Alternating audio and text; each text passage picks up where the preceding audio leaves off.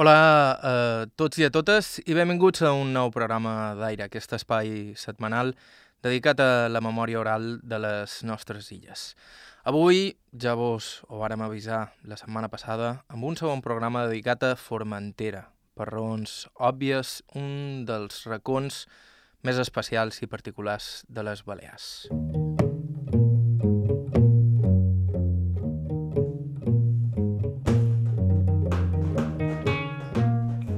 Formentera és una terra per la qual hem anat a parar bastant darrerament i que sempre ens ha regalat entrevistes memorables. La setmana passada ja vàrem recollir uns quants dels testimonis que més ens han agradat de quants hem recollit per allà. Però el programa d'avui serà un tant diferent i és que avui toca escoltar-les a elles. I ser dona pagesa i de Formentera és determinant. Les dones que ens trobam en aquest programa han viscut uns temps en què la dona era fer doble feina, la que te tocava per la teva condició a la casa i surant infants, i la meitat de la feina de l'home. Eren temps durs i sempre havies de donar un cop de mà. Les dones eren les que més patien, les que no sopaven perquè ho poguessin fer els nins, les que conraven la terra quan l'home havia de partir embarcat i les que duen el dia a dia de la casa. I per tant, les seues veus són indispensables per saber què érem i què som. Avui, així, els toca a elles. Estau escoltant Aire a IB3 Ràdio, vos parla Joan Cabot, començam.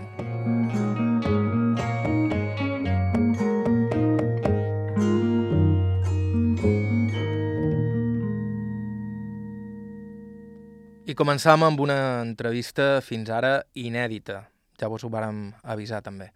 A Isabel Torres la vàrem entrevistar a casa seva a la Mola, convidats per l'amic Manolo Olla, responsable de la Casa del Poble d'aquesta localitat. N'Isabel ha viscut una vida dura, però així tot, al llarg de l'entrevista, se li escapen quatre rialles només de pensar com han canviat les coses des de que va néixer. Vaig néixer el 38 i som Isabel Torres Escandell.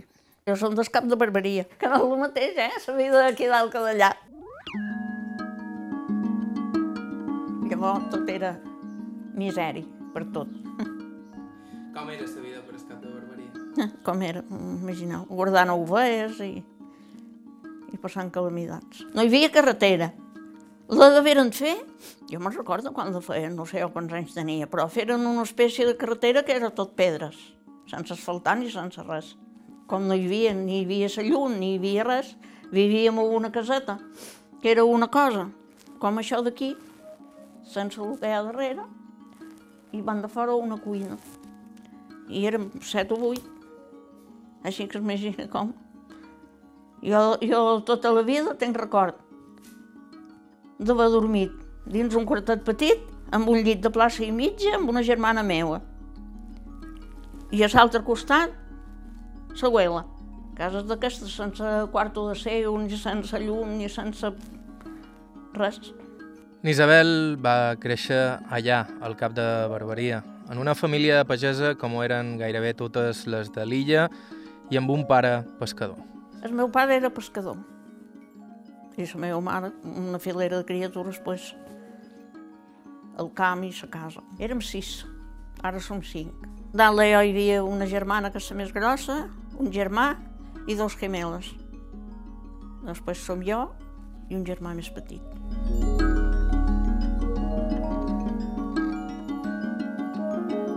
El que passa que eh, aquí hi ha una cosa que jo no duc l'apellido que em toca, perquè els meus abuelos no eren casats.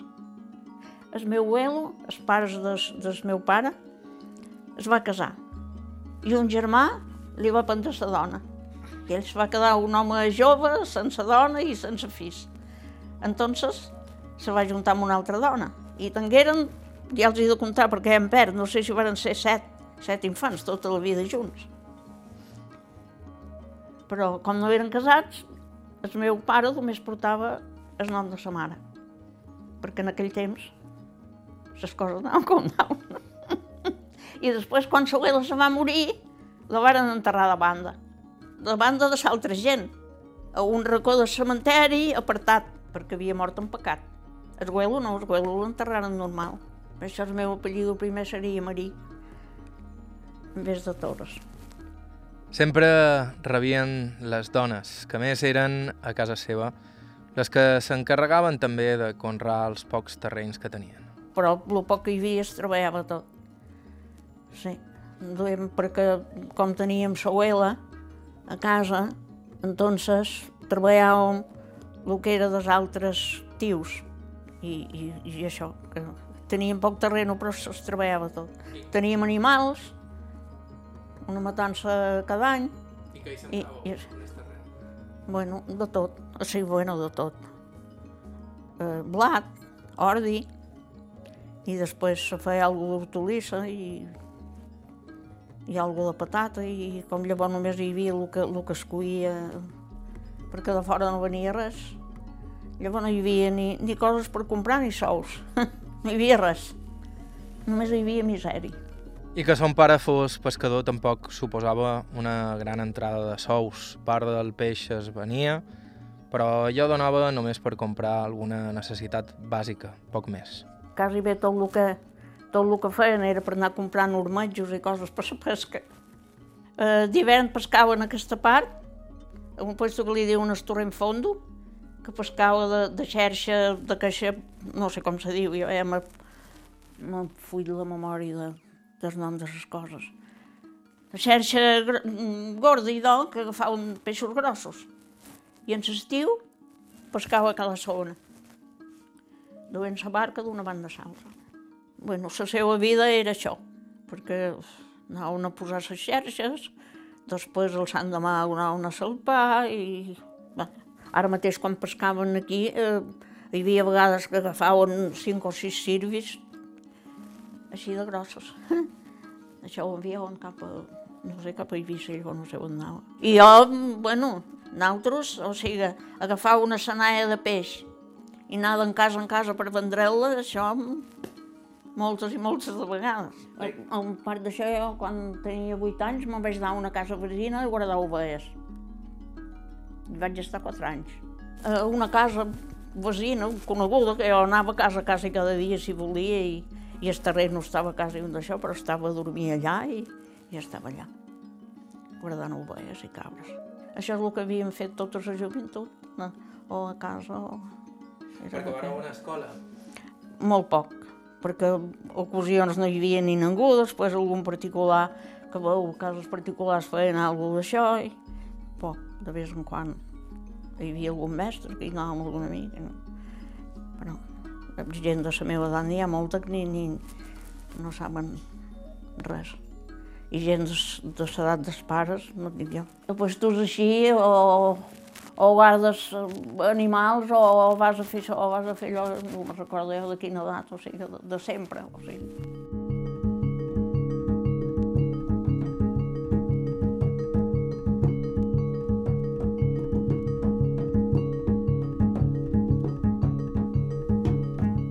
Isabel Torres, que va néixer en el cap de Barberia, encara recorda el primer cop que va pujar al Pilar de la Mola. El lloc estava relativament apartat de la resta de l'illa, una distància geogràfica però també psicològica.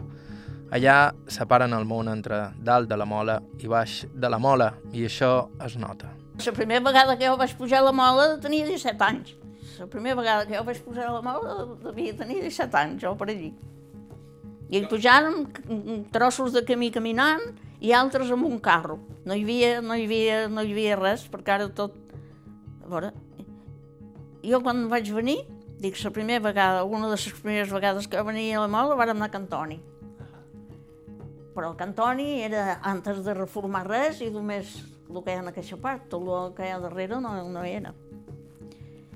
I, jo me'n record que hi havia una tauleta hi havia un, no sé si era un xavalí, un pardal d'aquestos d'això, allí davall una taula i hi havia un gat que menjava amb aquell bitxo. I era una casa, madre mia, hi havia més brutó que, que estava que feia això. I, i totes les botigues aquestes que hi ha i tot el que s'ha fet tot el que s'ha fet del mercadillo penjat, tot allò, i no hi havia res, res. Hi havia Campet Xumeu, que és allí on va anar, que es va entrevistar amb en... I, però tot, tot el que hi ha cap allà, el supermercat que hi ha, la joieria, es, totes aquelles botigues, allí no hi havia res, res, res.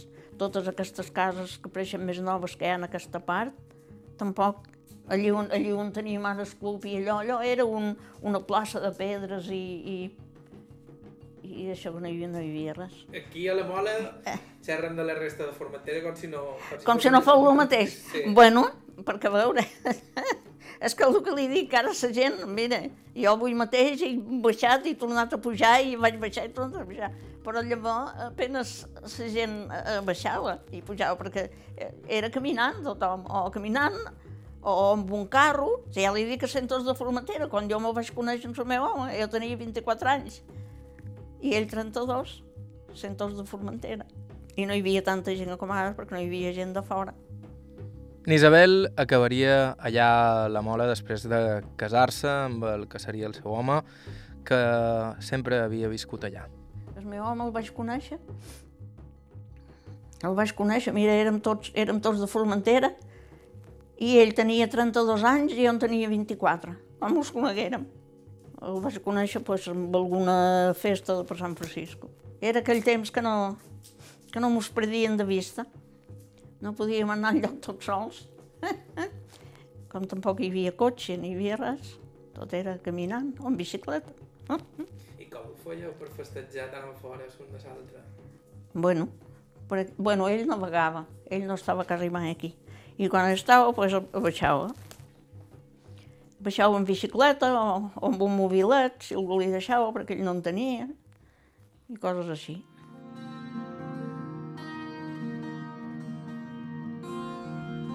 La història del seu home és també dura. Varen estar pocs anys plegats i la separació va ser duríssima i traumàtica per moltes raons. Entre elles pel que significava en aquells anys per una dona en fills haver de partir de casa sense res per acabar esforant els menuts ella tota sola. Ell navegava en els barcos de capotatge, però bé, estàvem pocs anys junts. Quan me vaig casar venguérem aquí i el meu home volia deixar-se navegar perquè estava sempre fora d'això. Entonces va fer el cursillo, un cursillo per entrar a Gessa, que és quan se va dur la llum a Formentera. Però després, quan va ser aquí, no, no li varen dar la plaça que ell volia quan va fer el consillo i va entrar a Gessa i ho va deixar. Doncs va ser quan compràrem un solar a Lliscaló i fèrem, i posàrem una botiga. Posàrem amb una caseta petita, o sigui, una botiga. Que va ser, jo me'n vaig anar allí, que tampoc hi havia res, jo llavors quan es va començar a dur llum a Formentera, no teníem aigua corrent, no teníem res. Em vaig anar allí, que el fill més gros tenia dos anys i mig, i la filla sis mesos, i allí va néixer aquest que és el més petit. Però estàrem allí no sé quants anys, no o deu. Llavors me'n vaig haver d'anar, perquè el meu home es va posar malament d'escap, em van haver d'anar tots d'allí, i en el final tot allò que anàrem casquent i fèrem un apartamentet i fèrem una macena i fèrem de tot, en el final, pues, se va ficar una persona allí a menjar el discap i, i ho va deixar tot en aquella persona, en vez de deixar uns infants. I ho havien fet tot, tot, tot, els dos estàrem junts entre uns cinc anys que duien de relació i, i, i vuit o nou de casats, o set o vuit, no estàrem més.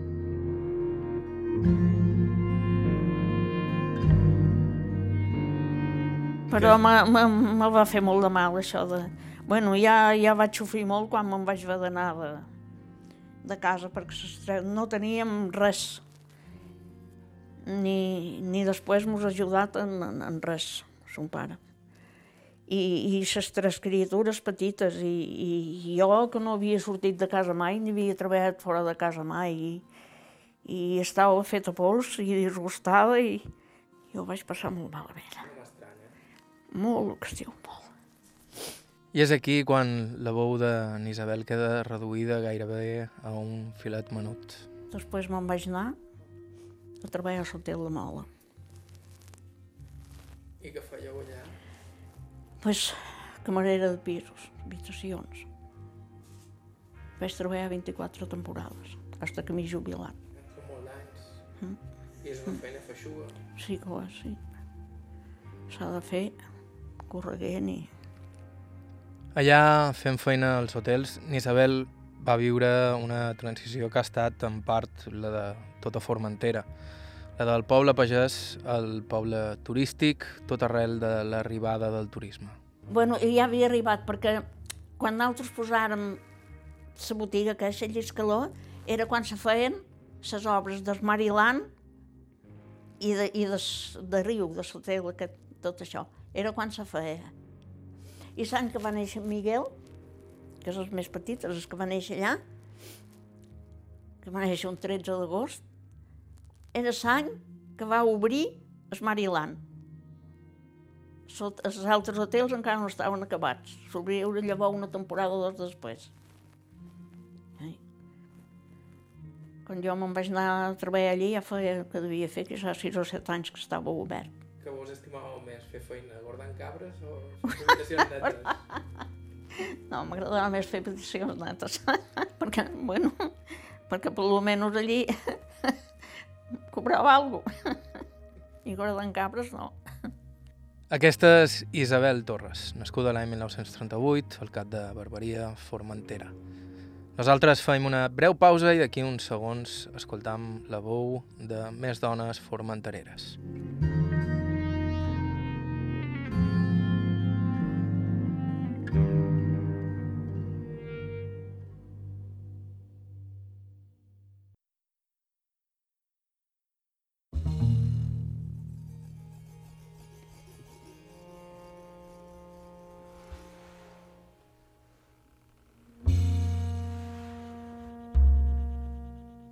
continueu a la sintonia d'aire a IB3 Ràdio. Avui som una altra vegada per Formentera, que ha estat una illa que hem visitat bastant sovint aquesta temporada. Acabam d'escoltar la història d'Isabel Torres, nascuda el 1938 al cap de Barberia, però actualment resident al Pilar de la Mola, i allà ens quedam per recuperar una de les darreres entrevistes que vàrem sentir en aquest programa fetes a l'illa. Es tracta de la conversa que vàrem mantenir amb Rita Escandell, una d'aquelles dones que conserven no sols la seva pròpia memòria, sinó la de tota la seva família i gairebé la de tot el poble. La seva història, també la del seu pare, ens va deixar fascinats. Ella mateixa es presenta. Som Rita Escandell Costa.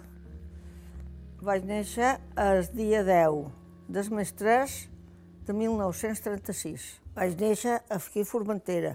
Vaig néixer en aquesta caseta que hi ha ara, en una casa que hi ha aquí, a l'altra banda del cementeri, que ara té un pis. Allà era una casa vella i allí era casa meva. I en què se dedicaven els vostres pares? A tot el que fos. Perquè en aquell temps no hi havia ofici fixo per ningú. Ningú tenia una carrera. Eh, excepte que hi havia persones de Formentera, o de la Mola mateix, que havien estudiat una carrera i tenien un títol, un faroler, hi va haver uh, un mestre d'escola, però això tard en tard. I, I jo vaig néixer el 36, en pleno follon, el meu pare se'n va d'anar, perquè no tenia les idees des que tenien els altres i no, no ho acceptaven. Jo el vaig conèixer que tenia 14 anys. I aquí ve un bocí de la història de son pare, emigrat com molts altres formenterers. És un exemple de com era la vida en aquells temps. El meu pare es havia casat dues vegades, que la primera vegada, eh, al cap d'un any que es havia casat, se li va, va tenir, la dona va tenir un nene i se, i se li va morir la dona. En aquell temps no sabia, com que no hi havia metges ni hi havia res, no sabien de que havia mort. Es pensam que li havia quedar un, alguna miqueta de la placenta es va infectar perquè diu que tenia febre. Va deixar aquell nene de 40 dies. i se'n van a Amèrica altra vegada. Al cap de poc temps, un mes, algun, no sé els temps, però, va, però molt aviat se'n van tornar a Amèrica, perquè ja havia estat dues o tres voltes a Cuba. Meu pare anava a Cuba. I, i els de casa seva cuidaven la criatura. Els pares, que eren vells, i dues germanes que tenia solteres. I li daven, li feien mamar una cabra. En aquest temps no hi havia biberons, aquí a Formentera no hi havia farmàcia, no hi havia res. Li feien mamar la cabra, però el lot, mesquinet, la criatura veu que la lleta que era molt forta, allò d'aquella manera. Canviaren la cabra, la tenien dins casa, li donaven daxa, i donaven segó i menjar així natural, no menjar verba aquella cabra, o poqueta, perquè van donar a canviar la cabra, però el lot no, no, no anava per amunt.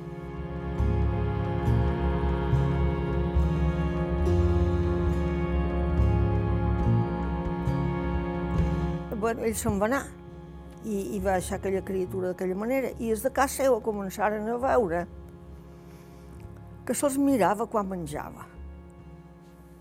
I varen dir, és que aquí s'ha menjaria, però a què li donam? Llavors no hi havia batidores, no hi havia papilles, no hi havia res. En aquell temps s'acostumava bastant que mastegaven malles i formatge i pa i això molt mastegadet i llavors li donaven dins la boca la criatura. I ho crec, feren, i s'ho va tragar i, i mesquinat i, i menjava molt. I va se'n va anar un de Formentera, Amèrica, que no me'n recordo qui era, un conegut, i el papà li va preguntar, i en Joanet com deu estar? Buà, diu, jo crec que és mort, perquè estava molt fotut. Mesquin, aquell home va quedar i va escriure en de casa seva tot d'una. El meu pare havia après de, de llegir i escriure que anaven a escola a Can Mossenya. Llavors l'única que, que, que, sabia una mica.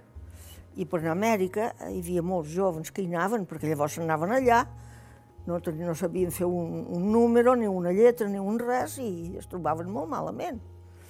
I anaven allí, els ensenyava, i ell, bueno, i va escriure, veiem, que li enviàs un, un retrat d'en Joanet, veiem com estava, o preguntant com estava. I, i d'oi posaven tres mesos la carta a venir. I clar, el lot ja estava gord i amb una cara redona i molt polidet, a casa a casa hi havia una foto no fa gaires anys, llavors renovant i ho tiraren tot.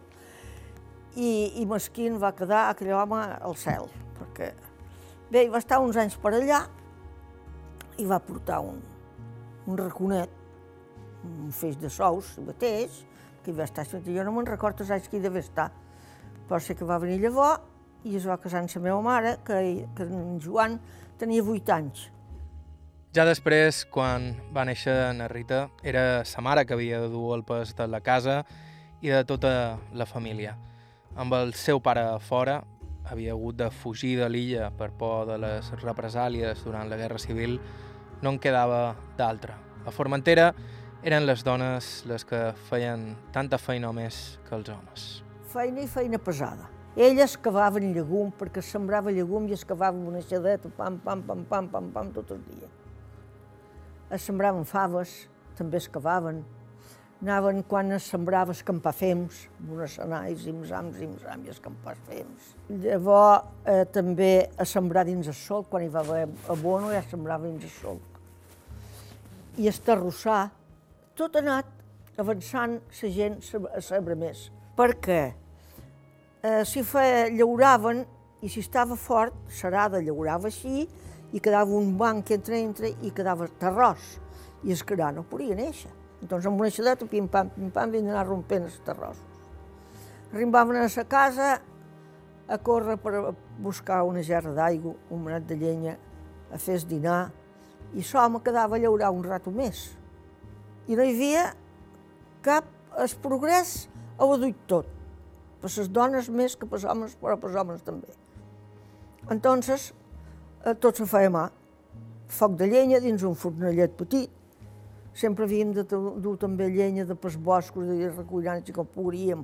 En l'estiu els homes tallaven, feien carbó, i llavors aquella llenya, que la rama prima, la duem a casa per un resforn, per fer, per fer foc a solla, per coure's menjar i, i coses d'aquestes.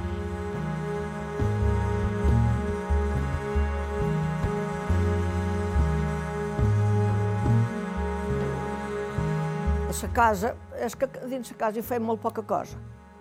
Tenim un traspol que no l'havíem fregat mai, però no es podia fregar en terra. A granar, granàvem quan podíem.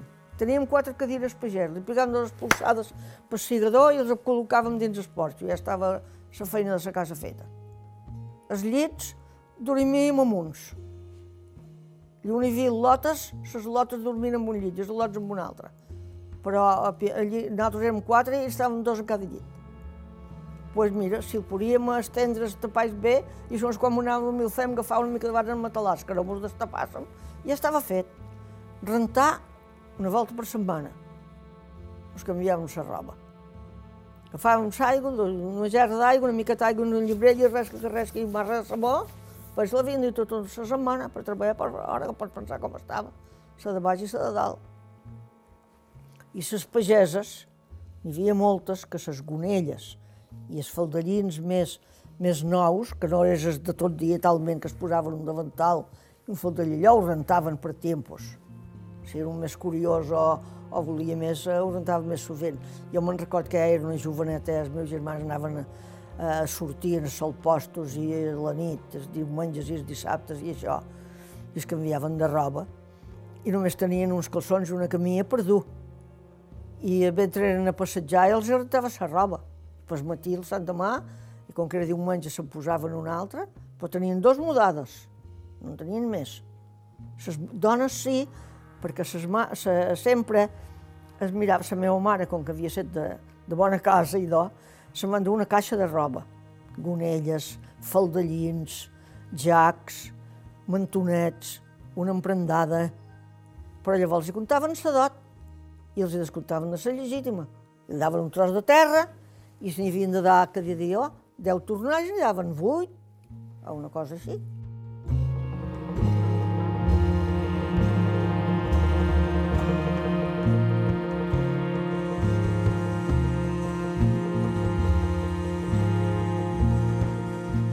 Més avant, nosaltres de nits, perquè sol post, tothom se'l recollia dins casa seva.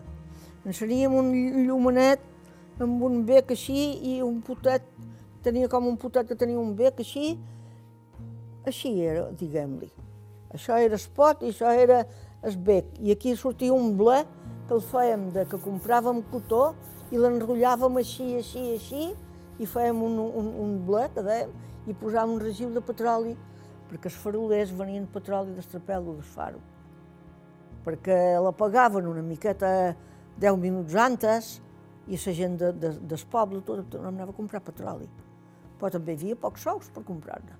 I allí filàvem, fèiem calcetins.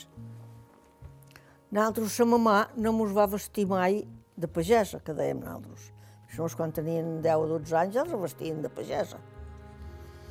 I nosaltres, eh, es veu que no estava molt animada, però no mos hi va vestir. Mos va deixar així de vestit, i jo de qualsevol retallet ja ella havia pres de cosir, tenia una màquina de cosir, i molt feia.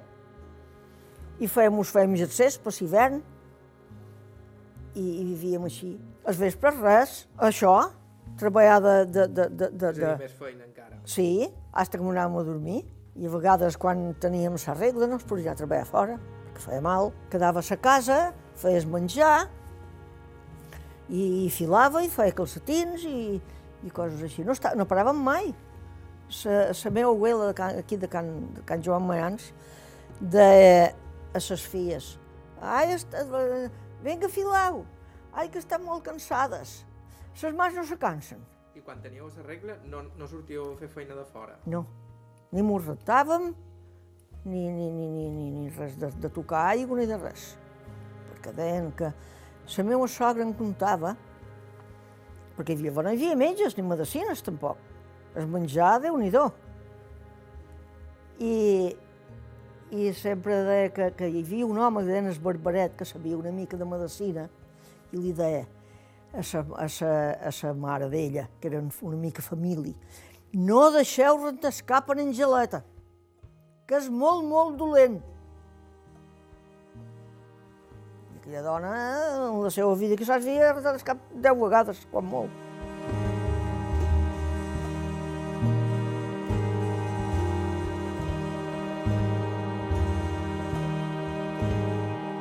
Lleu- un dia ciurons, un altre dia faves, un altre dia fava pelada, i, i ho trobàvem molt bo, però clar, com que no estàvem, no havíem menjat res més. És que era molt senzill escunyar de llavor. Saps com era de senzill? Llegum, l'escorríem i, i tornàvem a posar aigua nova i trempant-se i, i quatre pessiquets de, de, de, de, en, te, en temps de sofrit, que hi havia tomates, pebreres i alguna ceba, eren l'estiu i algun all, però si no, no hi havia res. Trempar, es trempaven xuer, mira, amb un porquet de sis robes que deien, que era un porc gros, i menjaven tot l'any i trempaven. Oli, se'n comprava alguna mica, però tot anava car. Patates frites no se'n menjaven ni, ni tres vegades en l'any. Truita, ni, jo ja sabia fer una, fruita, una truita d'un ou i encara no me'l sabia acabar, perquè havia estat molt poc menjadora. I tampoc no mos menjava, això ho veníem. El menjar era, mira, eh, arròs no n'hi havia. Llavors, una, quan després del moviment, al cap d'un parell d'anys, ja hi havia per reacció, de vegades, eh, una unça per cap d'arròs, ho duen reaccionat i cada un s'anava a buscar les reaccions. Jo me'n recordo que sa mamà, ja, ja, però això ja era grosseta, perquè el meu germà tenia nòvia, que el dia Sant Joan, que ells deia Joan, eh, convidava sa nòvia a dinar, i sa mamà matava una gallina, feia un arròs amb gallina, guardava l'arròs un munt de mesos i aquell dia fèiem un platet d'arròs amb gallina. I aquell d'allò era un lujo, un lujo però gros. I per Nadal també es feia solla de la salsa i, i es menjava una mica de carn de porc bullida, però si no me la menjàvem, per, la guardàvem per menjar-me per Nadal, perquè no me menjàvem abantes. Abantes amb un osset per hom passàvem a la carn salada en en salmorra, amb el, el porc, molt, molt, molta salat, tapaven de sal i el guardaven dins, es, dins un caixó o dins un llibrell en aquell temps. Hi havia unes eines així grosses, de tres llibrells grossos així, per pastar, per pastar la sobrassada, per rentar, eren l'únic que hi havia. I baldes i una gerra per dur aigua del Quintopino, per exemple, miraven que estaven prop d'un camí que hi pogués anar aigua de l'avenguda del camí. I potser estaves lluny del camí, i de fet estaves lluny. És a dir, que havíeu d'anar a cercar aigua. Amb una gerreta, al costat aquí, i vinga, i poar mà, amb un altre gerronet, i abocar dins les més gros, poquet, poquet, que no la vessàssim. Aquesta era Rita Escandell, des de Formentera, illa a la qual estem dedicant aquests darrers dos programes. Fem una breu pausa i continuem.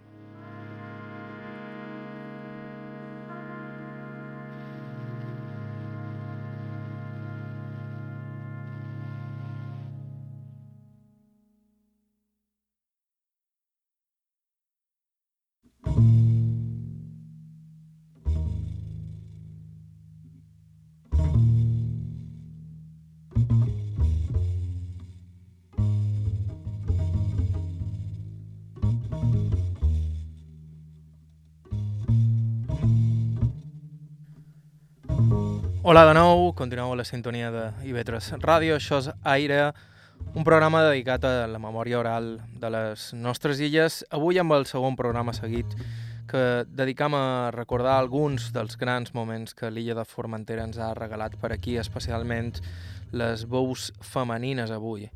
Hem escoltat ja Isabel Torres i Rita Escandell, totes dues entrevistades al Pilar de la Mola, que també va ser allà on vàrem entrevistar a Maria del Pilar Mayans, la nostra següent protagonista.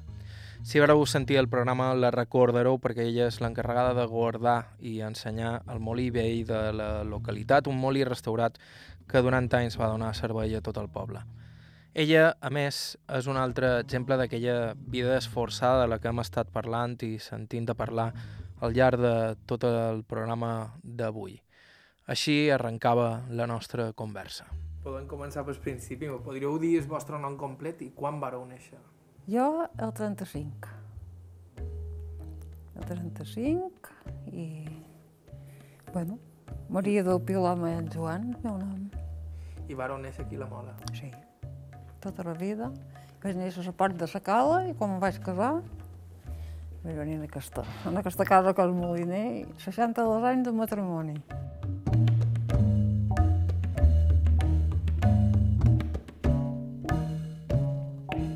Eh, el meu pare va, havia estat mariner tota la vida i la meva mare a la casa i a la terra.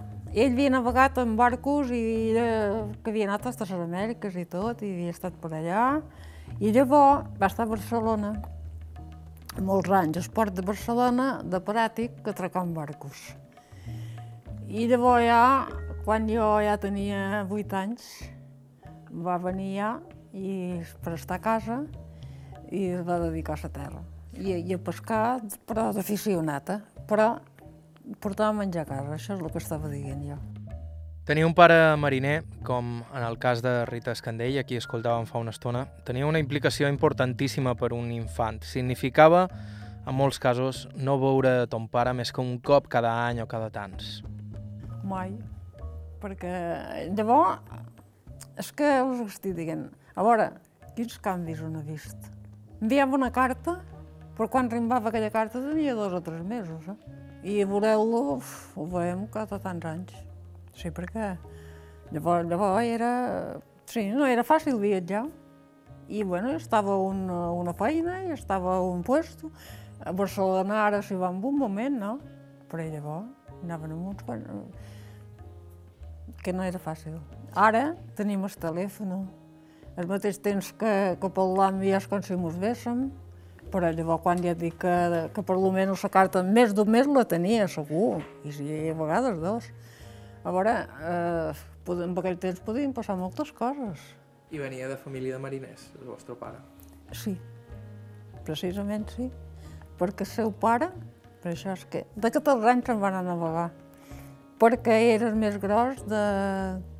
Tenia tres germanes i un altre germà, cinc, era ell era el més gros. I el seu pare navegava en barcos de, de càrrega, i portaven maderes i tot això, i va morir d'accident, li va caure una peça de madera per damunt i el va matar. I ell era el més gros i tenia 14 anys, encara no se sostenia, però bueno, de 14 anys se'n va anar a navegar i tots els altres eren més petits. Pues el mesquín, ell anava enviant sous a sa mare perquè pogués mantenir els seus germans.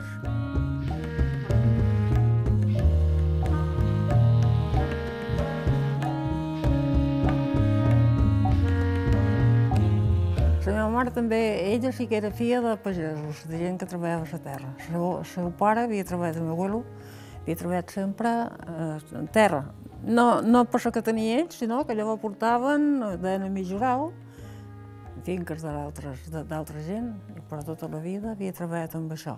Per això ella, això li anava bé, tenia un, alguns animals i, bueno, feia formatges, bueno. I el que més m'ha amassat és que les coses han canviat i tot ha canviat per bé. Però aquestes coses, quan fèiem llavors, no, no es fa ara, perquè ara ningú té temps i tot se fa ràpid.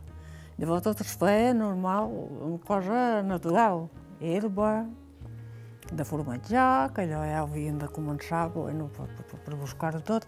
No es mirava mai els temps que es posaven les coses, sinó a fer les coses talment quan s'havien de fer.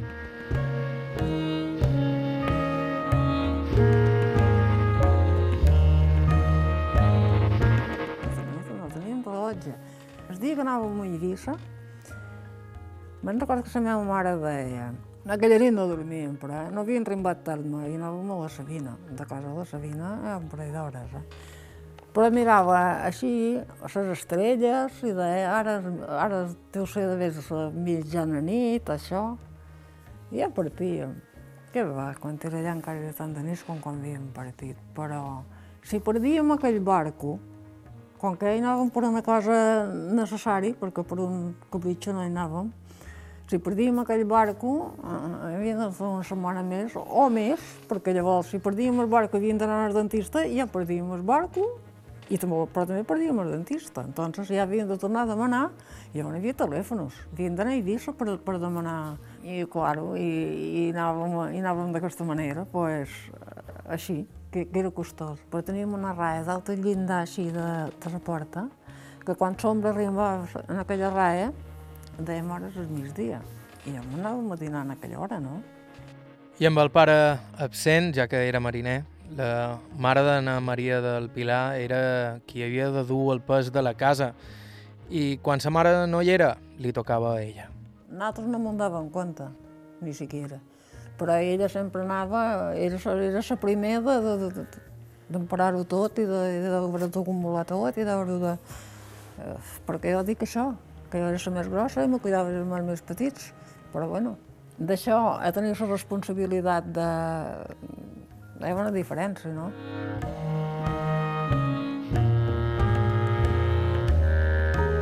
Llavors, el meu germà, bueno, és de baix de jo i la meva mare, perquè, clar, aquí la terra és bona, el que tenim una cosa dolenta, que no tenim aigua per regar.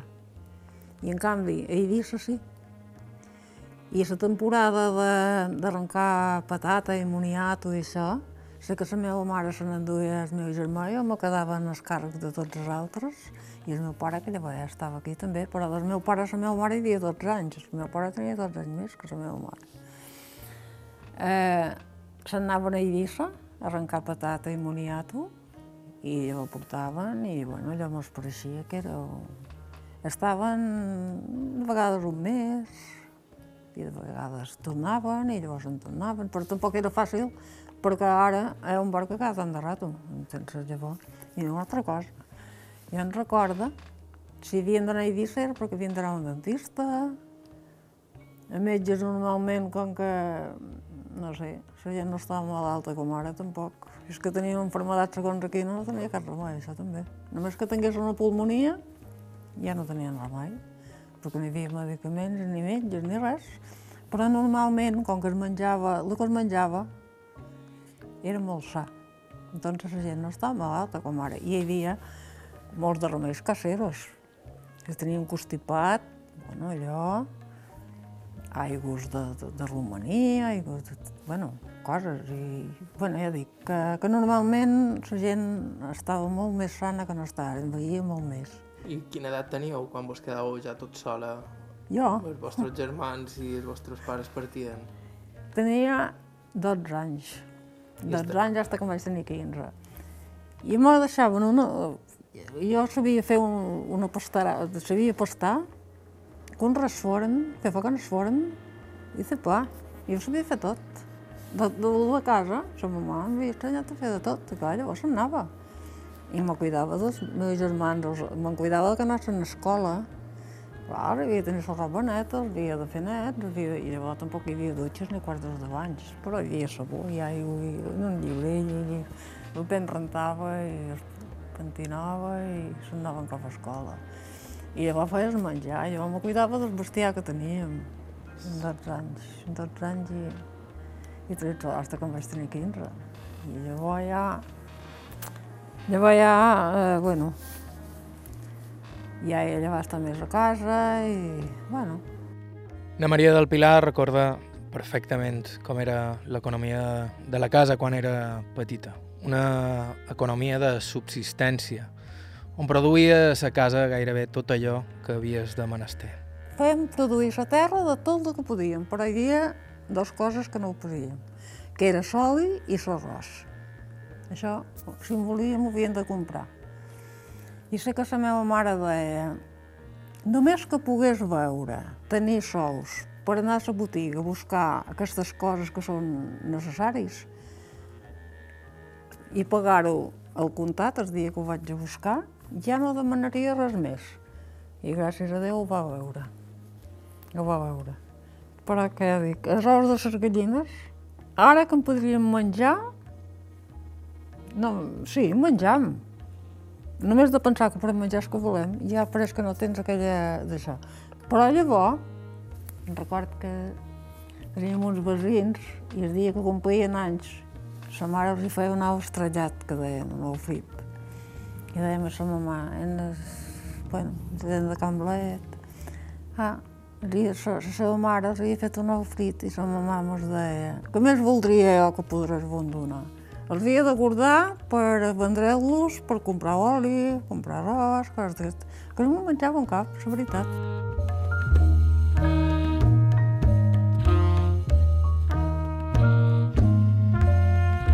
Teníem blat i ordi. El blat el feien servir per fer pa, però si no en teníem prou, hi mesclàvem ordi. Però l'ordi normalment era per fer pienso per un porc, com que pensàvem, per la matança de tot l'any. I, bueno, i llavors teníem llegums, sembràvem ciurons, sembràvem faves, sembràvem tota, tota classe de llegum. I això, llavors, eh, bueno, menjàvem de tendre, i llavors, i pèsols i de tot. I llavors l'altre ho assecàvem. I tot allò ho veiem servir tot l'any.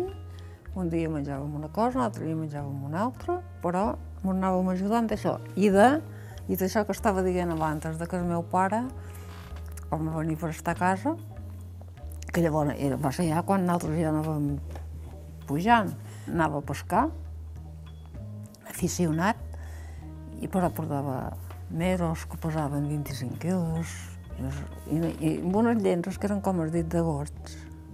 I posaven, i no, i no, ara es va i es busca esca i tot això. Llavors anaven i amb un volentinet que tenien agafaven un parell de peixets, vaques, donzelles, i d'allò i d'allò posaven en els ams aquests per agafar aquests peixos. I que clar, ni tenien nevera per guardar-ho, el que també tenien una altra, una altra cosa bona, feien escambets, i amb escambets mos durava uns quants dies. I així anàvem, així menjàvem. Però menjàvem molt sa, això sí. Ara deim que mengem bé, ara no mengem bé, ara mengem malament. Perquè tot el que ens menjam, moltes coses no sabem de, de què està fet, no? I llavors sí. Que solíeu menjar, per exemple, un, un dia qualsevol? Bueno, un dia qualsevol llegum, llegum, llegum i peix. Però carn, si era el dia... Perquè la matança que fèiem, la fèiem durar tot un any. Per això ara mos diuen, ui, el porc, la grassa fa mal, i, i anys endarrere que, que, que, que es trempava sempre així, ja. Amb un trosset de xuer, perquè la xuer la guardàvem tota salada i amb un trosset de xuer, jo què sé, d'un dit així, fèiem, trempàvem una olla de menjar. Eren per 7 o 8 o 10. Allò que, podia, que podia fer. Allò no, allò no podia fer cap mal, perquè, perquè no era, no. Ara sí, Ara, ara si es vol menjar un tros de sobrassada, un boixet de sobrassada petit, un tros de pa, i no menjàvem així. Però tot, tot era amb una... que no podia fer cap mal, perquè un porc, sí, que pesava 150 quilos o això, i, i havies de fer durar per tot, per tot l'any, de compte, el que podies, el que podies menjar.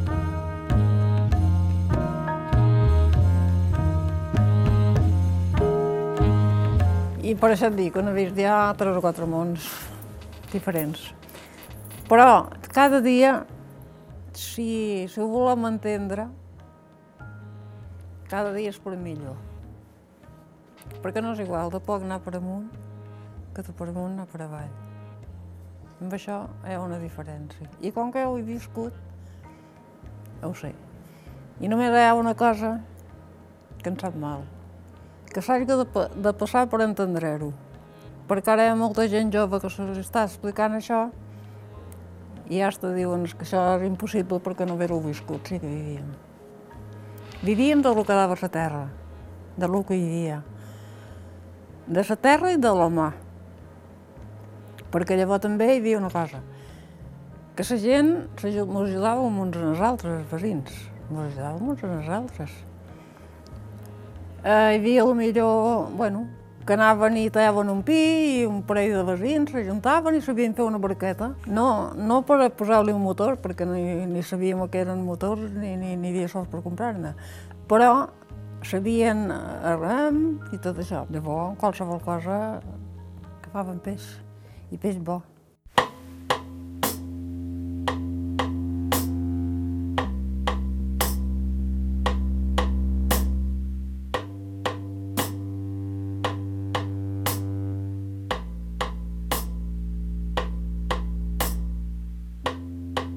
Nosaltres ho deixam aquí per aquesta setmana. Tornem la setmana vinent amb un nou programa.